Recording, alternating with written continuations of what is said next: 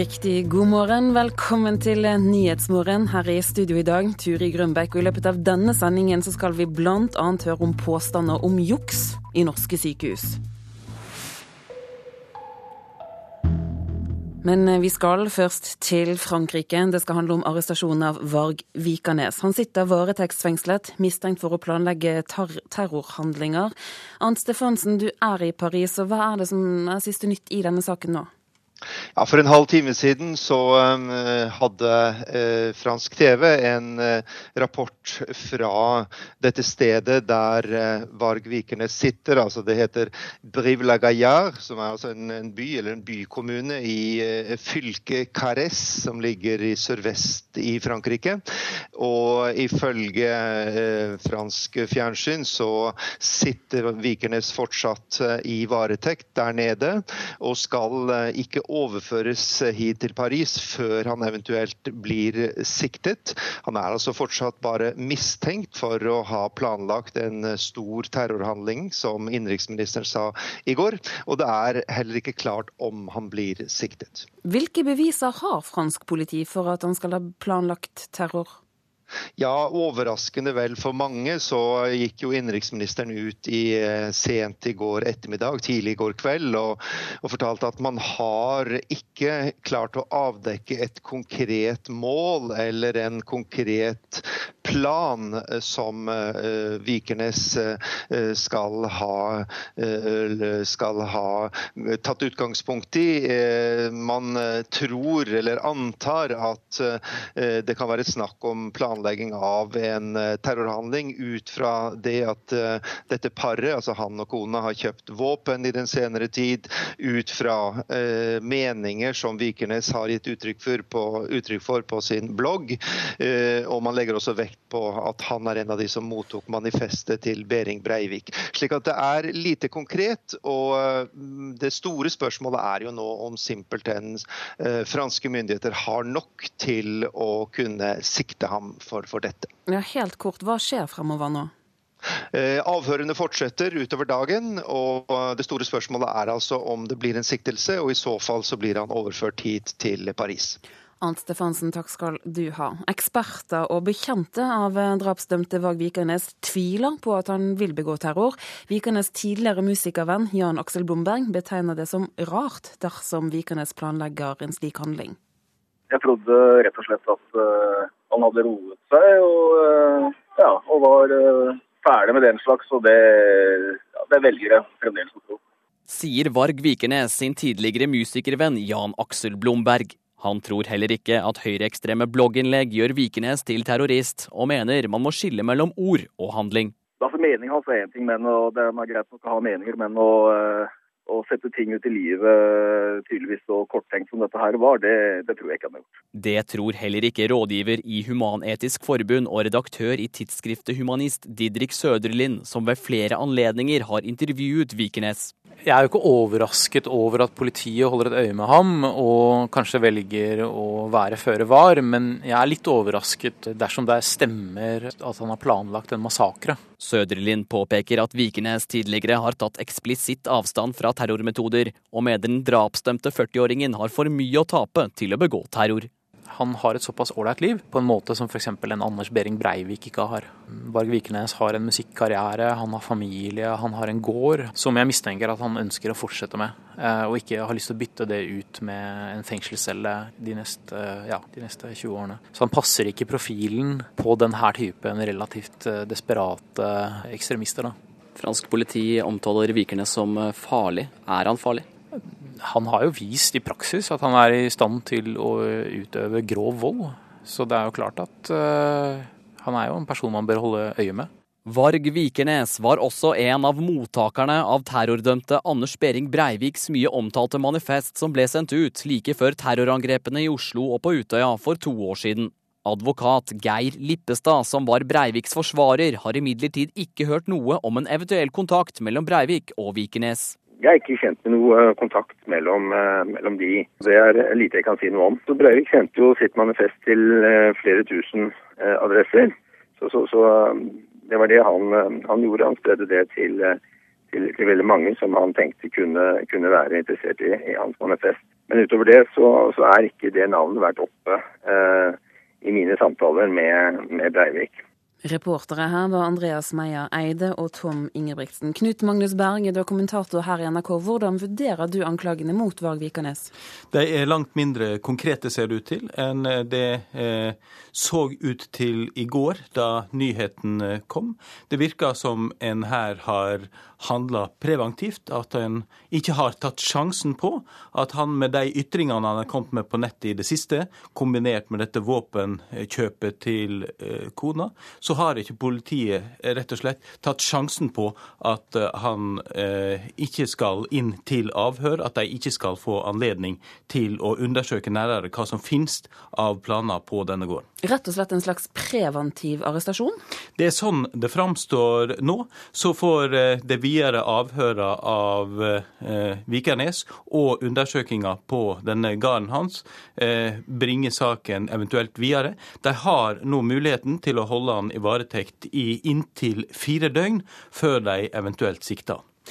Er det grunn til å tro at norske myndigheter har fulgt med på Varg Vikenes de siste årene? Det er grunn til å tro at uh, norske uh, styresmakter, altså PST, eh, interesserte seg for Vikernes etter at han slapp ut av fengsel i 2009.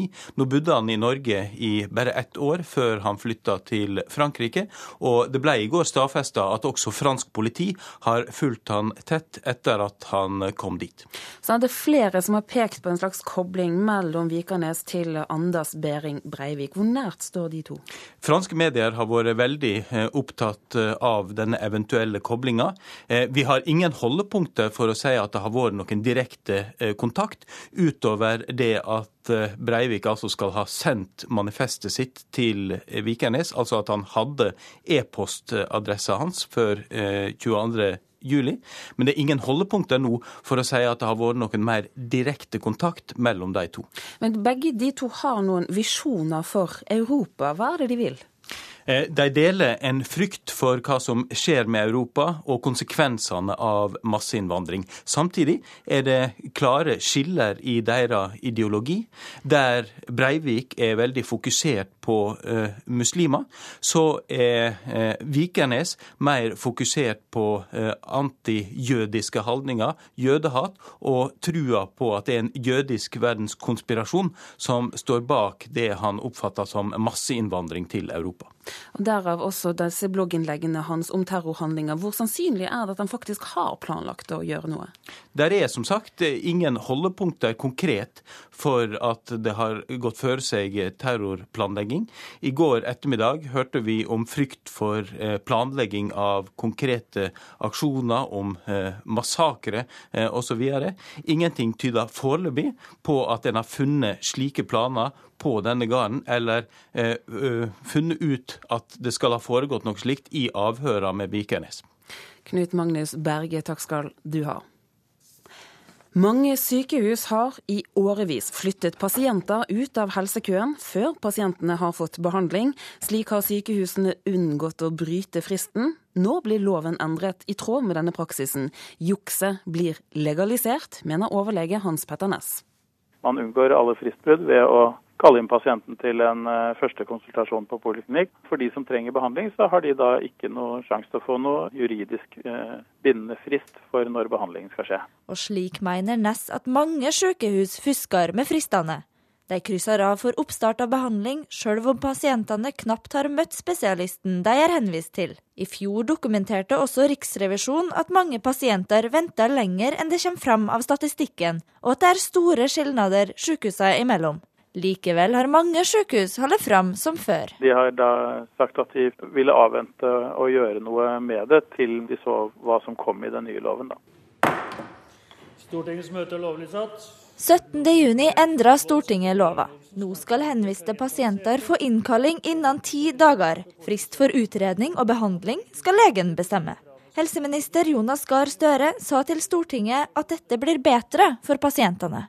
Så jeg mener det ikke er en svekkelse, men tvert imot en forenkling. Og en forenkling det er stort sett bra også for pasientene. Nei, eh, jeg er ikke enig i det. Den nye loven innebærer eh, at den praksisen som vi mener har vært feil til nå, den blir nå det lovlige og normale. Nest tror politikerne har gjevet opp kravet de en gang vedtok. Det virker på meg som at de har innsett kanskje at eh, det har vært vanskelig å praktisere og vanskelig for sykehusene til å følge opp det lovverket som de laget. Og så har de forlatt eh, ønsket de hadde om at eh, man skulle være garantert en diagnose innen en viss tid. Statssekretær i Helsedepartementet Nina Tangnes Grønvold avviser dette. Hun sier det hele veien har vært ulike meninger om hva pasientene egentlig har krav på. Det har vært diskusjon om hvordan lovverket skal forstås, men Helsedepartementet har vært tydelig på hvilken lovforståelse vi styrer etter. Og de nye lovendringene de vil nå bidra til en enda tydeligere rettstilstand og mindre risiko for misforståelser og feilregistrering. Grønvoll mener de nye reglene viser mer tillit til de ansatte ved sykehusene. Hun er trygg på at pasientene fortsatt får hjelp når de skal. Ja, vi stoler på at eh, helsepersonell gir forsvarlig og god behandling til alle som trenger det. Eh, og følger både medisinsk forsvarlighet og de reglene som gjelder til enhver tid. Hvis det blir for mange detaljerte juridiske rettigheter, så kan det være en risiko for at det eh, blir mer byråkrati og ikke bedre pasientbehandling. Reporter det var Erlend Wiseth. Leder i helse- og omsorgskomiteen på Stortinget, Bent Høie. Overlegen kaller dette legalisert juks. Stemmer det? Altså Den beskrivelsen som han gir av juks, er jeg helt enig i eh, juks, nemlig å innkalle en pasient til poliklinisk undersøkelse, og så la ventetida eh, komme i etterkant av det. Og Derfor har også Stortinget i forbindelse med denne lovbehandlingen beskrevet en sånn en situasjon og sagt at det vil være i strid lov, med loven. Så det vil være like ulovlig etter den nye loven som det var etter den gamle loven. Men med denne nye loven så virker overlegene ganske misfornøyd. Har du forståelse for det? Ja, altså Det som eh, vi har fått veldig klare eh, innspill på, det er f.eks. på en del eh, alvorlig syke pasienter der det er nasjonale behandlingsretningslinjer, sånn som for kreftpasientene, der eh, henvisning skal vurderes innen fem dager, en skal ha undersøkelse innen ti dager og behandling oppstart etter sju dager. Der har eh, opposisjonen, altså Høyre, eh, Fremskrittspartiet, Kristelig Folkeparti, Venstre, sagt at der en har valgt å løfte opp en pasientgruppe og sagt at her skal det være nasjonale retningslinjer òg for det videre behandlingsforløpet, så har vi foreslått at de òg skal være juridisk bindende. Det hadde eh, i veldig stor grad eh, retta opp en del av den bekymringen som har vært bl.a. fra Kreftforeningen og Legeforeningen. Men nå, med denne lovendringen som kommer, blir det bedre pasientbehandling? Ja, I denne loven så er det òg gjort eh, to veldig viktige endringer. Eh, to forslag som Høyre har hatt tidligere, som nå har fått flertall. Det ene er at pasientene nå etter første vurdering og henvisning eh, skal få eh, en tilbakemelding fra sykehuset som inneholder en konkret dato og klokkeslett for undersøkelse eller behandling. Det andre er at hvis sykehuset ikke er i stand til å gi pasienten behandling innen den medisinske fastsatte tidsfristen som alle pasientene skal få, så er det sykehuset sitt ansvar å gi beskjed videre, sånn at andre overtar ansvar for pasienten. Dette har i den gamle loven vært pasientens ansvar. Så i sum så innebærer denne loven en betydelig forbedring av pasientens rettigheter, selv om Høyre hadde ønska gått lengre, bl.a. òg å lovfeste retten til en pasientansvarlig lege på sykehus. Ja, for Du har jo selv sagt at loven blir juridisk svakere, men så har du stemt for? Ja, altså Det som jo eh, har vært den gamle loven, eh, der har en hatt en eh, frist innen 30 dager for, eh, for, for undersøkelse. Og det kan en nok si at for papiret har vært en juridisk sterkere lov, fordi da skulle en innen 30 dager òg ha vært inne i en undersøkelse. Men i praksis så har dette vært en 30 dagers frist for vurdering av henvisning. Den blir nå på ti dager. Det er det som òg er vanlig på de fleste tilfellene. Men det som er det aller viktigste, det er ikke eh, dette, men at en får en medisinsk fastsatt tidsfrist som er reell, og at sykehusene ikke jukser eh, ved å la pasientene vente eh, etter en første konsultasjon. Det er det nesten umulig å regulere i lov, men vi sier at det vil være ulovlig. Det var det òg etter den gamle loven. Det er noe som vi er nødt til å følge opp med kontrollrutiner og systemer. Eh, og være tydelig på at det, det vil være en ulovlig praksis. Bent Høie, takk skal du ha. Dette er Nyhetsmorgen i NRK P2 og Alltid nyheter. Klokken nærmer seg 7.18. Dette er hovedsakene i dag. Det virker ikke som fransk politi har mye konkret å bygge sine terroranklager mot Varg Vikernes på, mener vår kommentator Knut Magnus Berge. Som vi hører, sykehusjuks er i ferd med å bli legalisert. Det mener overlege, men møter altså motstand hos eh, Bent Høie. Bli med oss videre i sendingen, for våpen- og rakettsystemet fra Cuba er stanset på vei til Nord-Korea. Først til at en svak krone gjør det dyrere å importere varer til Norge. Nå stiger prisene på klær, sko og andre varer her i landet.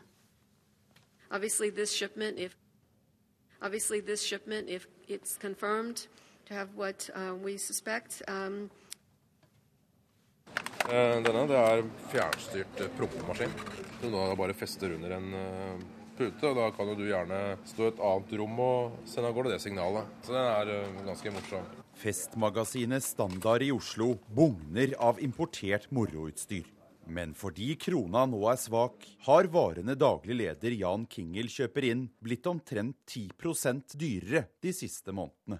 Ja, Vi importerer vel varer for ca. en million euro i løpet av et år, så det merkes godt. Ja, For det blir 10% mer på den prisen? Ja, det gjør det. Så det, det blir mye penger. Foreløpig har ikke Kingel satt opp prisene på verken banandrakter eller pianospillende slips. Men fortsetter kronekursen å svekke seg, så må vi gjøre noe også med prisene ut til kundene. Og en rekke importvarer stiger nå i pris, viser de siste tallene fra SSB. Du ser, kan også se at forbrukerne blir stilt overfor uh, høyere priser på, på, varer som kommer fra utlandet, f.eks. klær og sko sier seniorøkonom Katrine Boje i Nordea Markets. Og prisoppgangen rammer bredt, for få land har like stort importbehov som Norge, påpeker sjeføkonom Elisabeth Holvik i Sparebank1. Vi importerer veldig mye, og det er jo gunstig når kronekursen er sterk. Da blir det lave priser inn i Norge. Men hvis det snur, så vil jo prisveksten bli høy. Og det er ikke bare den markant svakere krona som nå kan presse prisene i været. For Norge importerer nå svært mange kinesiske varer. Også de er i ferd med å bli dyrere, påpeker Boje. Det er tendenser til med økt press på produksjonskostnadene i Kina, og da kanskje særlig knyttet til at, at lønnsveksten eh, der er høyere. Og Det også vil uh, føre til, til uh, prisvekst på typisk varer som har vært veldig billige nå veldig lenge. Enn så lenge er det i alle fall ikke noe å utsette på utvalget av pussige importvarer i festbutikken som har holdt det gående i snart 113 år. Hva er det vi har her, da? Ja, pianoslips.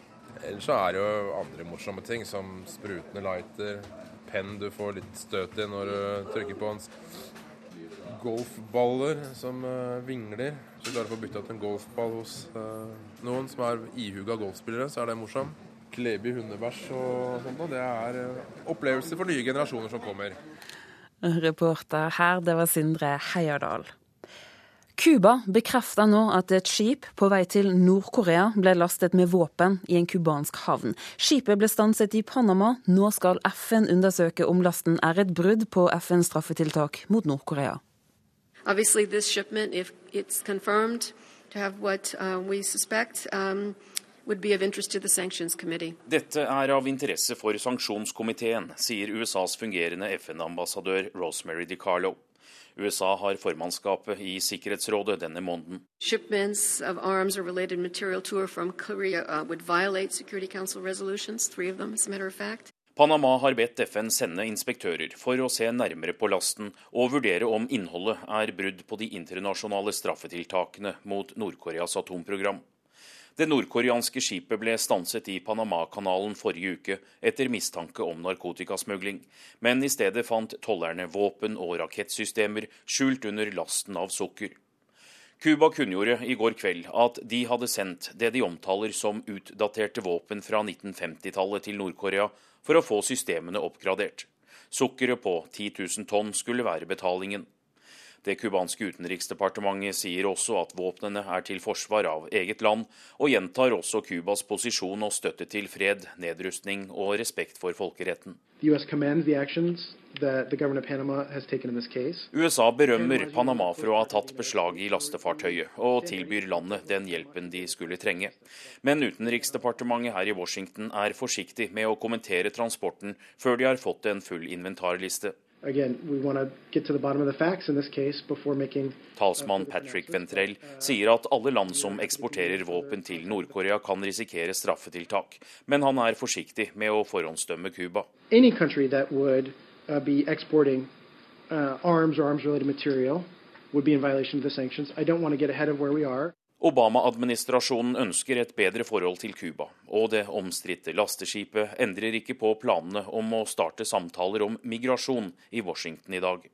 Cuba og USA forhandler også om å gjenoppta de direkte postforbindelsene. President Obama har lettet på noen av straffetiltakene overfor Cuba, men handelsblokaden opprettholdes fordi USA mener regimet ikke respekterer menneskerettighetene. Anders Tvegård, Washington. Så skal det handle om Tour de France, for med fem etapper igjen så ser det mørkt ut for norsk etappeseier. Tre nordmenn startet rittet for drøye to uker siden. Nå er én ute med skade, én går på antibiotika, og den siste er sprinter med kun en flat etappe igjen. Det er mulig å gjøre det bra, men jeg må være heldig. Da endte vi bare på en etappeseier. Alexander Kristoff har vært optimistisk med tanke på etappeseier i Tour de France. Mulighetene har blitt færre og færre for nordmennene, optimismen til tross. Jeg kommer til å prøve å gå for etappeseier. Lars Petter Norhaug anså gårsdagens etappe som sin beste mulighet, men er nå blitt syk og går på antibiotika. Edvald Boasson Hagen er hjemme med skade. Det er aldri positivt å ha en krasj og bli ute for skade. Ny smerteterskel jeg er gjennom nå. I dag er det tempo i Frankrike. Hjemme sitter norgesmester Boasson Hagen, som kjenner skaden godt. Så lenge jeg sitter i ro, så er det greit, men med en gang jeg prøver å røre på meg, så er det veldig vondt. Når musklene strammer seg, så blir det utrolig vondt. Dermed er bordet dekket for Hagens lagkamerat og sammenlagtleder i toren, Chris Froome. Den tøffe tempoen følger du på nrk.no sport. Det sa reporter Emil Gukild. Og du lytter til Nyhetsmorgen i NRK P2 og Alltid nyheter. Arrestasjonen av Varg Vikanes det er hovedsaken vår i dag, og denne saken den preger også dagens avisforsider. Aftenposten skriver at han ble tatt etter våpenkjøp og voldsretorikk. En terrorpolitiet i Frankrike kjenner ikke til et konkret terrormål. Vikanes har tilhengere over hele Europa, det skriver Dagsavisen. Greven flyktet fra Norge, derfor ble han terrortatt, skriver Dagbladet, som også skriver om livet til Vikernes i Frankrike. Også VG har saken på sin forside. De skriver mer om årsakene til at Vikernes ble arrestert i går. Andre saker som preger avisene, handler bl.a. om at det er en hard kamp om internship-jobber nå i sommer. Mange må stå opp midt på natten for å jobbe, det skriver Finansavisen. Selskapet Norsk Kylling sikter høyt. Selskapet satser på et større investeringsprogram, det skriver Nasjonen. SV-leder Audun Lysbakken advarer mot konsekvensene for avisene dersom det blir en blå regjering. Det kommer til å føre til avisdød. Det er hovedsaken til Klassekampen. Flertallet av nordmenn ser seg aktivt om etter ny jobb. Hyppige jobbskifter koster oss millioner av kroner. Det skriver Vårt Land. Beste året noensinne, det er tittelen i Dagens Næringsliv. Det handler om jubel i norsk bilbransje.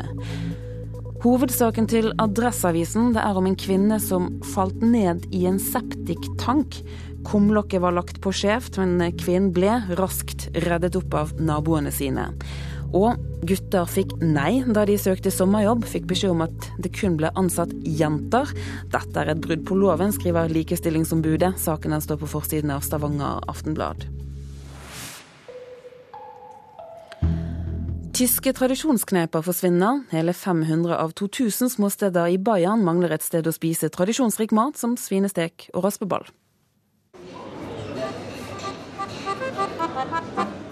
De brunlakkerte bordene i Augustiner vertshus i München er fulle når det nærmer seg lunsjtid. Slik er det ikke overalt. Før hadde hver eneste lille landsby i den tyske delstaten et slikt vertshus. Men i de siste årene har en fjerdedel av de tradisjonelle spisestedene blitt lagt ned. Det bekymrer Wolfgang Schneider.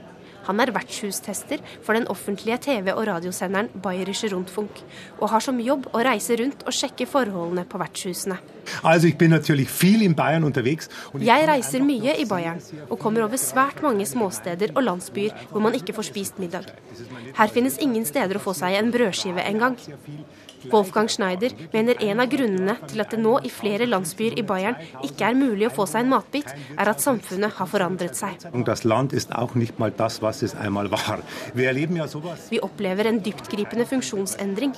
Vi opplever en landsflukt der folk flytter inn til byene. Det blir færre unge, og de blir også mer mobile og reiser lenger når de skal ut om kvelden. Over en svinestek til 13 euro, 100 kroner, er Wolfgang Schneider opprørt over at folk tyr til de billigste alternativene, og dermed lavere kvalitet. Det ist doch irre, wenn die Handwerker mittags nicht mehr in die Dorfwirtschaft fahren, sondern wenn die Det er vanvittig at håndverkere reiser til møbelforretninger for å spise lunsj istedenfor vertshuset. Fordi det er billigere. Schneider mener at de vertshusene som har best sjanse for å overleve, er der det finnes unge, kloke hoder som kan gjøre de forandringene som er nødvendige, og skape et godt konsept og gi vertshuset sin egen identitet. Det er Peter Wippermann enig i. Han er trendforsker og en av forfatterne bak boka 'Slik spiser Tyskland'. Han forteller på telefon fra Hamburg at det ikke bare er i sørlige Bayern at vertshusene går dukken. Også i Nord-Tyskland og resten av republikken er det et problem. Bortsett fra i Berlin. Der lever gastronomien i beste velgående. Vertshusene har tradisjonelt stått sterkt i Tyskland. De var sentrum i landsbyene, der man møtte venner og kjente for å spise eller ta et glass øl. Wolfgang Schneider understreker at de som overlever, er de som virkelig tør å satse på kvalitet og egenart. Og som har mot til å forandre seg. Und ich glaube schon, wir sollten nicht immer beschwören, wie toll es früher in den 50er, 60er Jahren Vi kan ikke se tilbake på gastronomien slik den var før. Nå er det 2013, og spisestedene er nødt til å tilpasse seg hvordan samfunnet har blitt. Ellers vil de ikke overleve. Reporter i Bayern, det var Ina Charlotte Fjellhøy. Nyhetsmorgen fortsetter nå med Dagsnytt. Produsent for sendingen i dag, det er Tonje Grimstad. Her i studio, Turi Grønbekk. Nå får du siste nytt straks.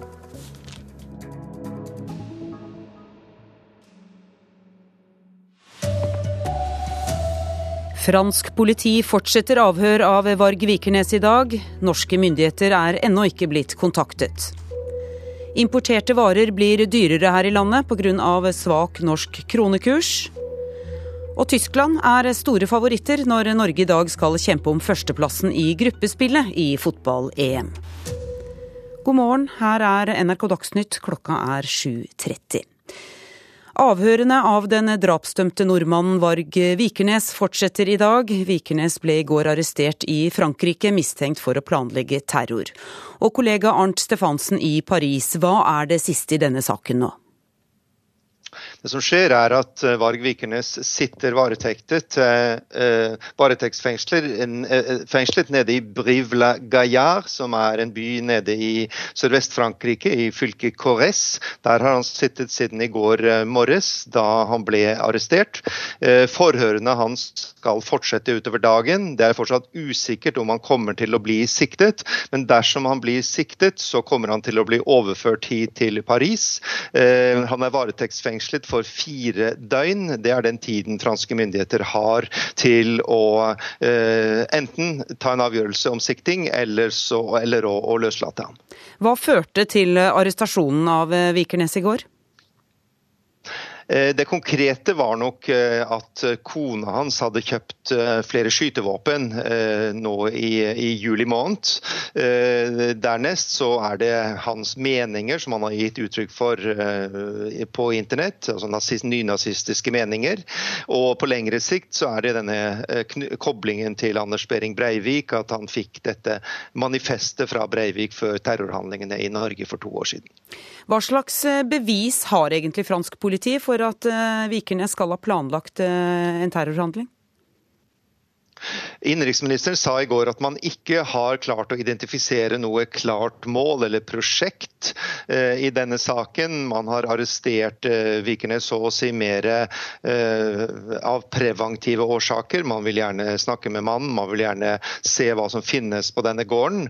Et slags føre-var-prinsipp. Eh, og Det store spørsmålet er jo nå om de har en så god sak at det er, at det er grunnlag for å, å kunne sikte ham. Takk skal du ha, Arnt Stefansen.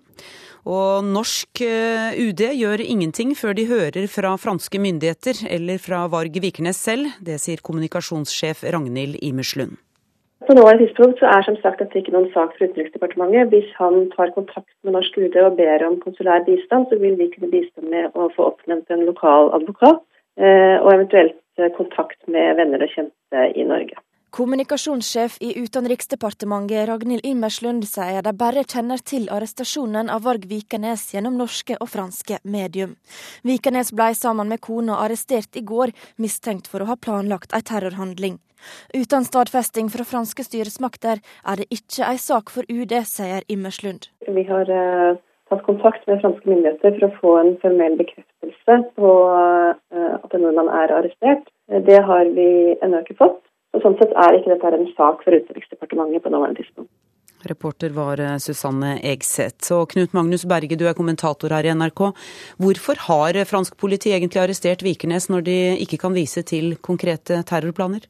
Forrige lørdag skrev Vikernes på bloggen sin at han mente innvandrere står bak ei togavsporing utenfor Paris forrige uke, der seks mennesker eh, omkom, og at eh, de jødisk-kontrollerte mediene i Frankrike skjulte denne sanninga.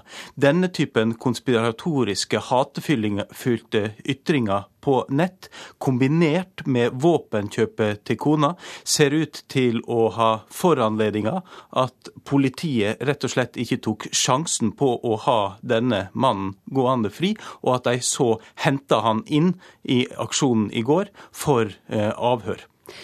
Men dersom eh, ikke politiet har konkrete Eller har eh, bevis for at han har noen konkrete planer, hva kan politiet gjøre med han? Eh, de kan beholde han i varetekt nå i inntil fire døgn, før de må sikte han. Sikter de han, så skal han overføres til Paris. Dersom de ikke finner noe konkret i de undersøkingene som nå pågår på gården der han bodde i, i Frankrike, eller gjennom avhørene med han, så må han eh, slippes fri. Er det overraskende at norske myndigheter ikke er blitt kontaktet av franske myndigheter i forbindelse med pågripelsen? Eh, slik jeg ser det, er det nok en indikasjon på at eh, en ikke har noe konkret på han, så å si. En fikk jo et helt annet inntrykk av de første meldingene som kom, eh, at det var eh, frykt for konkrete terrorhandlinger. En snakket om en massakre. Ingenting tyder til nå på at en har funnet bevis for slike konkrete planer. Takk skal du ha, Knut Magnus Berge. Cuba bekrefter at et skip på vei til Nord-Korea ble lastet med våpen i en cubansk havn. Skipet ble stanset i Panama, og nå skal FN undersøke om lasten er et brudd på FNs straffetiltak mot Nord-Korea. Panama har bedt FN sende inspektører for å se nærmere på lasten og vurdere om innholdet er brudd på de internasjonale straffetiltakene mot Nord-Koreas atomprogram. Cuba kunngjorde i går kveld at de hadde sendt det de omtaler som utdaterte våpen fra 1950-tallet til Nord-Korea for å få systemene oppgradert. USA berømmer Panama for å ha tatt beslag i lastefartøyet, og tilbyr landet den hjelpen de skulle trenge. Men utenriksdepartementet her i Washington er forsiktig med å kommentere transporten før de har fått en full inventarliste. Talsmann Patrick Ventrell sier at alle land som eksporterer våpen til Nord-Korea kan risikere straffetiltak, men han er forsiktig med å forhåndsdømme Cuba. Anders Tvegård, Washington. Vi skal hjem igjen, og en svak krone gjør det dyrere å importere varer til Norge. Nå stiger prisene på klær, sko og andre varer her i landet. Eh, denne det er fjernstyrt eh, prompemaskin. Som da bare fester under en eh, pute. og Da kan jo du gjerne stå i et annet rom og sende av gårde det signalet. Så den er ganske morsom. Festmagasinet Standard i Oslo bugner av importert moroutstyr.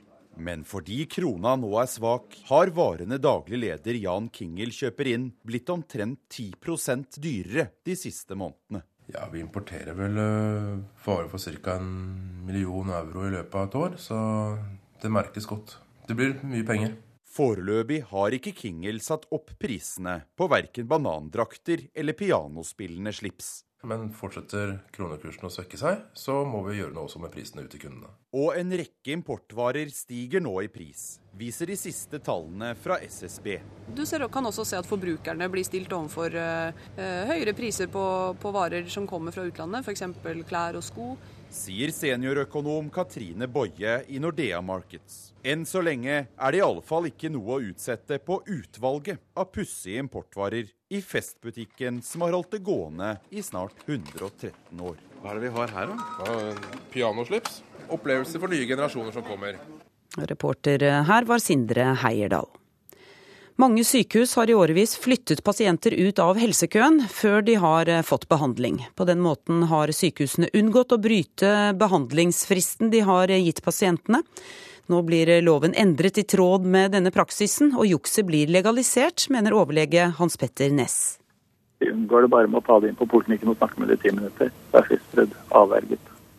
I fjor dokumenterte også Riksrevisjonen at mange pasienter venter lenger enn det kommer fram av statistikken, og at det er store skilnader sykehusene imellom.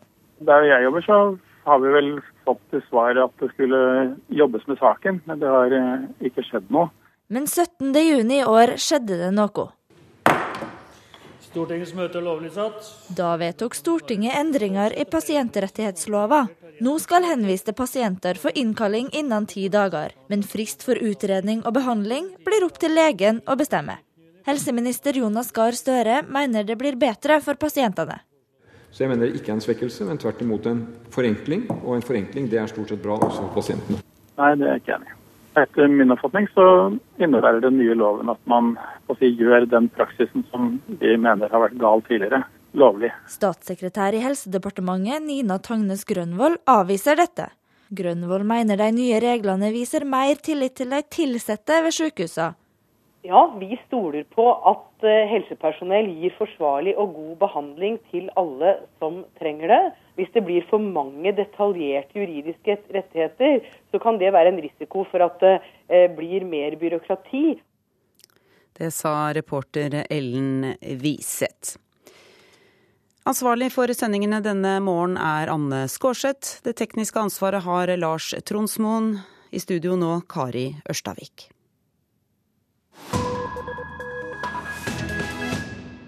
I Nyhetsmorgen nå skal vi til Egypt, for to og et halvt år med politisk uro skremmer turistene bort fra landet. Det får alvorlige konsekvenser i det kriserammede Egypt. Den allerede høye arbeidsledigheten øker. Mindre tilgang til utenlandsk valuta kan bl.a. føre til matmangel hos millioner av egyptere som lever under fattigdomsgrensen. Småbåtene står ankret opp på havna i turistbyen Luxor ingen kunder i dag heller. Slik var det ikke før, forteller kapteinen på Jewel of the Nile. Det var mye bedre før i tiden. Jeg giftet meg, bygde hus, kjøpte meg inn i denne båten og sånt. Det var flust av muligheter, forteller Tayyib Ali Hassan, før han legger til nå står alt stille. Den arabiske våren har vært en katastrofe for dem som lever av utlendingene som kommer til Egypt for å se oldtidens templer og Tutankhamuns grav. I 2011 uteble fem millioner turister, en nedgang på 37% fra året før. En liten oppgang var det i fjor, men det var det stort sett badestedene ved Rødehavet som tjente på. Og nå er egypterne inne i sin andre revolusjon på to og et halvt år. Guiden på Jewel of the Nile eier den andre halvparten av båten. Men hadde han hatt penger i dag, hadde han heller satset på byggevirksomhet. Da kunne jeg skape arbeid for de som selger småstein og sand og sement og metall. Vi kunne skape arbeid for hverandre, og for grønnsaksselgerne også, for den saks skyld. For bygningsarbeidere trenger jo mat, sier Tayyib Sayed Mahmoud. Livet er slikt, svart eller hvit. Fra ingenting kommer det ingenting, sier han. Så stille er det i gaten der Sabri Hassan står klar til å frakte turister med hest og vogn. Men det er ikke en eneste turist å se. Sabri har mange munner å mette. Kone og barn, brødre, mor og far. Han skulle ønske mat var billig, men det er den ikke. Og verre skal det nok bli. FNs organisasjon for ernæring og landbruk slår alarm om at lagrene av importert hvetekorn i Egypt er i ferd med å gå tomme. Det er viktig fordi den importerte hveten blandes med den lokale sorten for å lage det sterkt subsidierte brød som deles ut til landets 84 millioner innbyggere. Mindre turisme fører til mindre tilgang på utenlandsk valuta, som igjen vil føre til knapphet på mel og dermed dyrere brød. Grønnsakene koster mer nå også, bekrefter butikkeier Hussein Mohammed. Ja, de er blitt dyrere. Og hvor skal folk få penger fra? Alt står stille, folk er uten jobb og har ingen inntekt. Luxor har alltid vært avhengig av turister, men det er jo ingen turister lenger, sier han. Noen få er det i Sukken, det gamle markedet med sine krydder- og suvenirboder men de er altfor få. Så ille har det aldri vært før, mener Hag Salah El Madrassa, som sliter med veldig tregt salg av suvenirer. Ting stoppet jo opp etter terrorangrepet her i Luxor i 1997. Men det varte jo bare i to-tre måneder, og så var livet tilbake til det normale igjen. Men dette er en revolusjon, og en revolusjon varer en stund før den slår seg til ro. Reporter her, det var Wenche Eriksen. Dette er Nyhetsmorgen i NRK P2 og Alltid nyheter. Klokken er 7.44. Dette er hovedsakene våre nå. Det er overraskende hvis Varg Vikernes har planlagt en massakre. Det mener tidligere bandmedlem. Så langt er det ikke kjent at politiet i Frankrike har avdekket konkrete terrorplaner. Og våpen- og rakettsystemer fra Cuba er stanset på vei til Nord-Korea. Da er det tid for Politisk kvarter. Det skal handle om helsepolitikk. Katrin Hellesnes. Ja, for ny pasientlov legaliserer juks med ventelistene, mener overlege, som møter Helsedepartementet hos oss.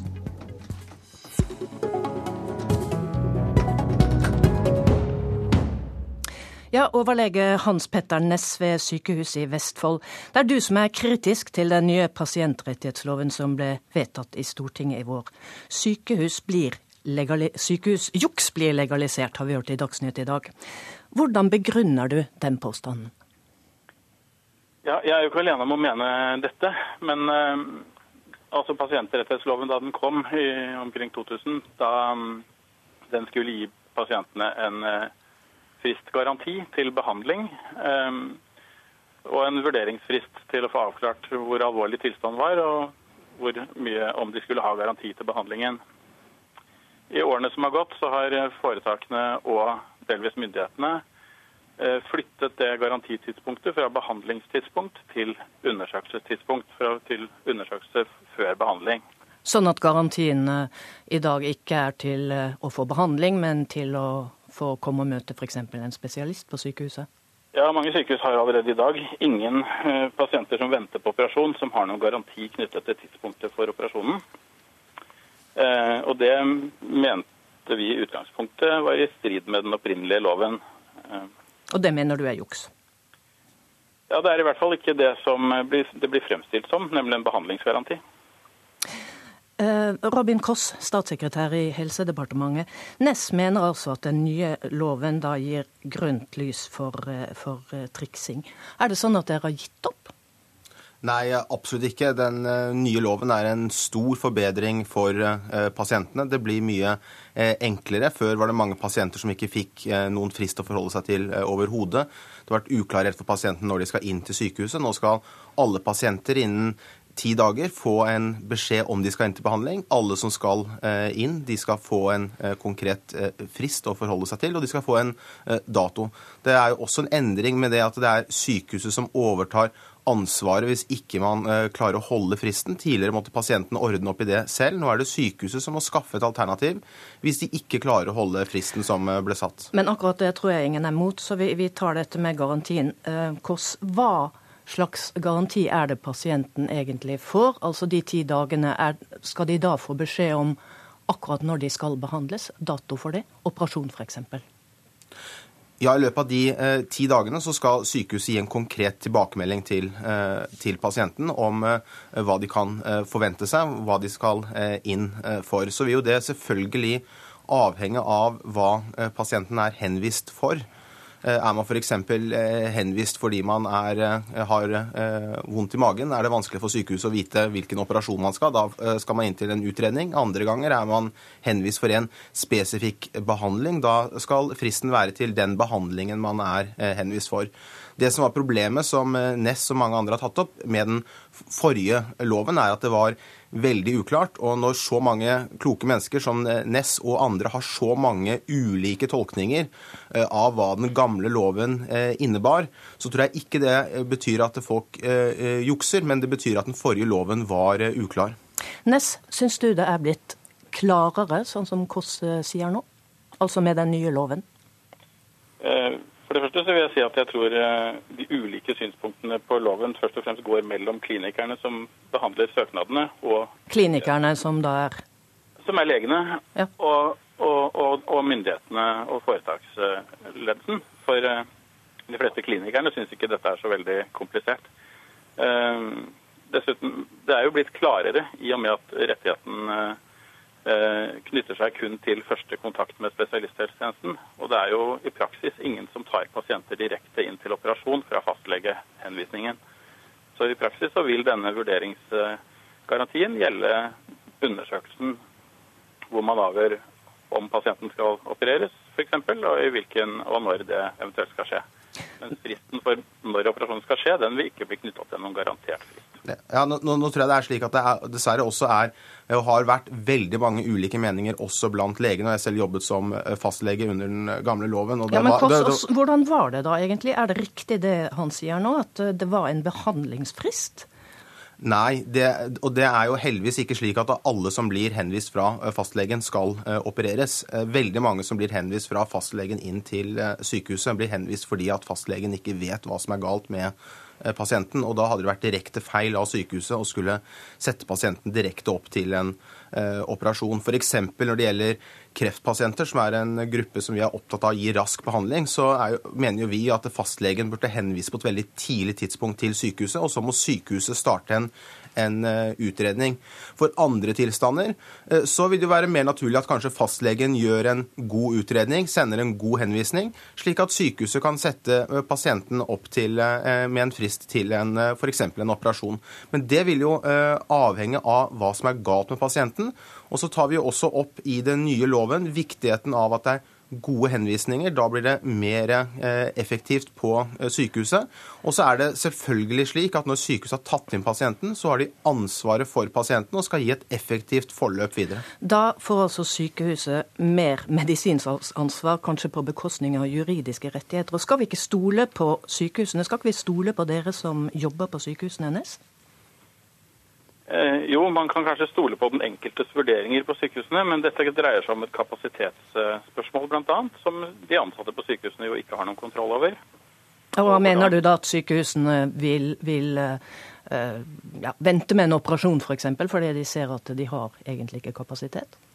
Ja, det er klart at hvis, uh, hvis, en ventetid til operasjon ikke medfører noen konsekvenser på sykehusene dersom den dras utover den fristen legen har satt, så vil jo risikoen for at det vil bli utsatt, eh, være høyere. Og vi har ikke noen eh, god eh, måte å måle hvor, om det er viktig eller alvorlig for de pasientene at det blir utsatt.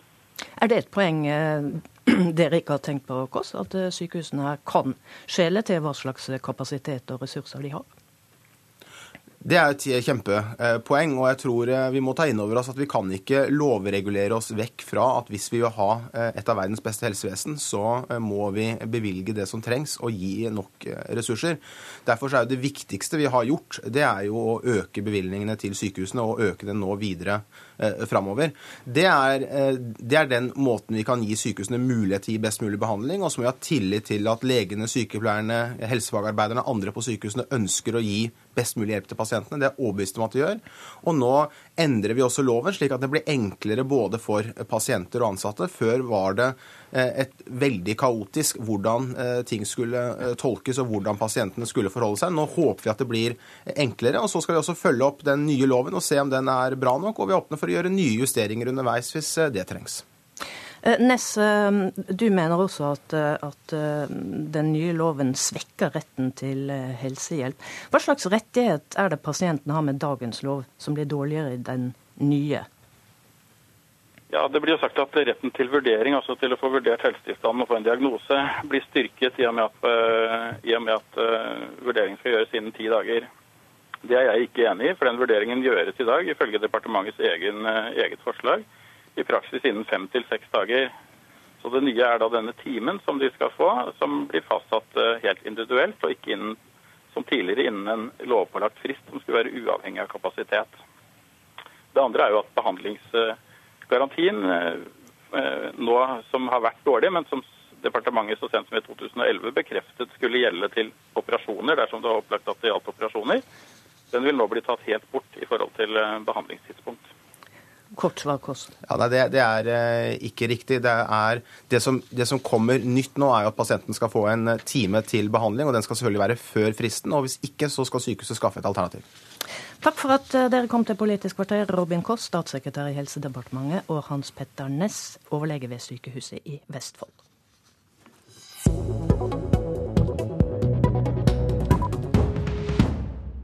Mathias er et politisk talent eh, fordi han er både debattsterk, han er sterk i forhold til sosiale medier og de nye måtene å kommunisere med velgere på. Han eh, er veldig engasjert, spesielt i utdanning og, høyere utdanning og, og skolepolitikk. Og jeg tror at han kommer til å se av i norsk politikk. Ja, da er det tid for sommerserien her i Politisk kvarter, der vi presenterer politiske talenter fra de ulike partiene. Og i dag handler det om Mathias Fischer fra Venstre. God morgen. God morgen. Alt dette skrytet kommer altså fra partilederen din, Trine Skei Grande. Men hvordan vil moren din beskrive det? Jeg tror faktisk mamma ville brukt et av de samme ordene, nemlig engasjert. Jeg har alltid vært en sånn person som blir veldig oppslukt i enkeltting, og nå for tiden så er det jo Venstre. Når vasket du gulvet ditt sist? Det var i forrige uke, og så har jeg tenkt å gjøre det igjen i dag. Hva er ditt drømmedepartement å være statsråd i? Nå skal jo Trine bli utdanningsminister, så mitt drømmedepartement må jo være eh, Justisdepartementet. Da kan jeg eh, gå til kamp mot overvåkning, jeg kan eh, føre en mer human asylpolitikk og, og føre en smartere narkotikapolitikk. Er det justispolitikken som er det som ligger hjertet ditt nærmest? Jeg tror nok det som ligger hjertet mitt nærmest nå, det er nok eh, skolepolitikk. Eh, og en kamp for en bedre skole med flere og bedre lærere og eh, en som setter eleven i sentrum. Ja, hva, er, hva, er, forskjellen på, altså hva er det viktigste med Venstres eh, skolepolitikk eh, som eh, velgerne bør vite om, og som du vil profilere i valgkampen? Jeg tror nok Den viktigste forskjellen på en liberal skolepolitikk og det vi ser fra den rød-grønne regjeringen, det er at vi har en skolepolitikk som gir mer tillit nedover i systemet. Mer tillit til den enkelte kommune, mer tillit til den enkelte skoleleder, mer tillit til den enkelte lærer og den enkelte elev.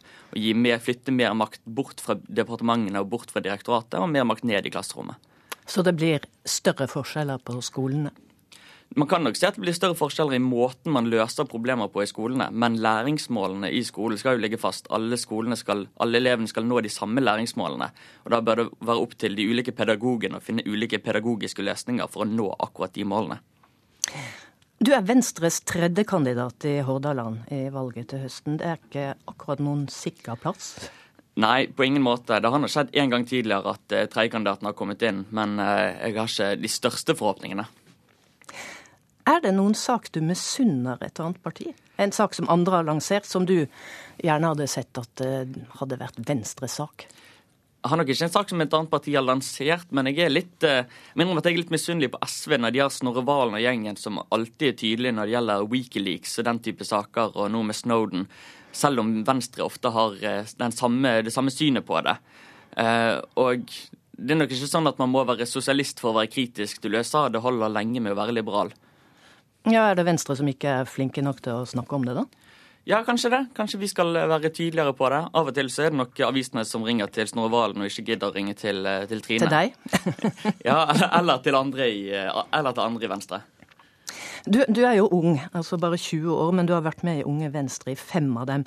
Er det noe du er stolt av og har vært med på i politikken? Noe av det jeg er mest stolt av når det gjelder å være med i Unge Venstre, det er jo at vi tør å ta tydelige kamper mot moderpartiet. Og En av de tingene som jeg er stolt av, det var jo at jeg på landsmøtet nå i, i vår var veldig tydelig i kampen mot en boklov. Selv om vi tapte, så er jeg veldig glad for at vi turde å ta den kampen og tok den så tydelig og klart som vi gjorde. De unge har lav valgdeltakelse. Eh, hvilken sak er den beste saken Venstre har for å trekke ungdom eh, til partiet? Jeg er ikke helt enig med premisset for spørsmålet, at det på en måte er én sak som skal trekke ungdom. Jeg tror ungdom er opptatt av veldig mange ulike saker. Og litt for ofte så tror jeg voksne politikere finner sånn billige løsninger, at vi skal ha fritidsklubber og den type ting. Og jeg meldte meg inn i Unge Venstre fordi jeg var enig med Unge Venstre i kamp eh, for republikk, kamp mot verneplikt og den type ting.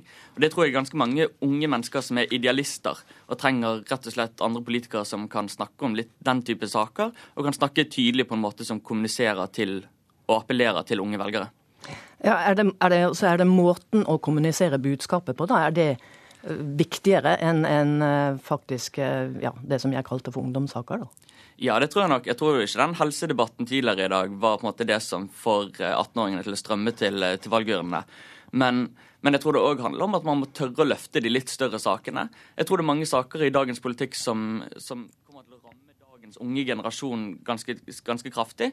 Ser dagens oljepengebruk, f.eks., klimaspørsmål. Det er saker som absolutt an, uh, gjelder for unge mennesker og gjelder for tidlige, fremtidige generasjoner. Og Da må vi tørre å kommunisere det på en tydelig måte. Dette her er alvorlige utfordringer for fremtiden.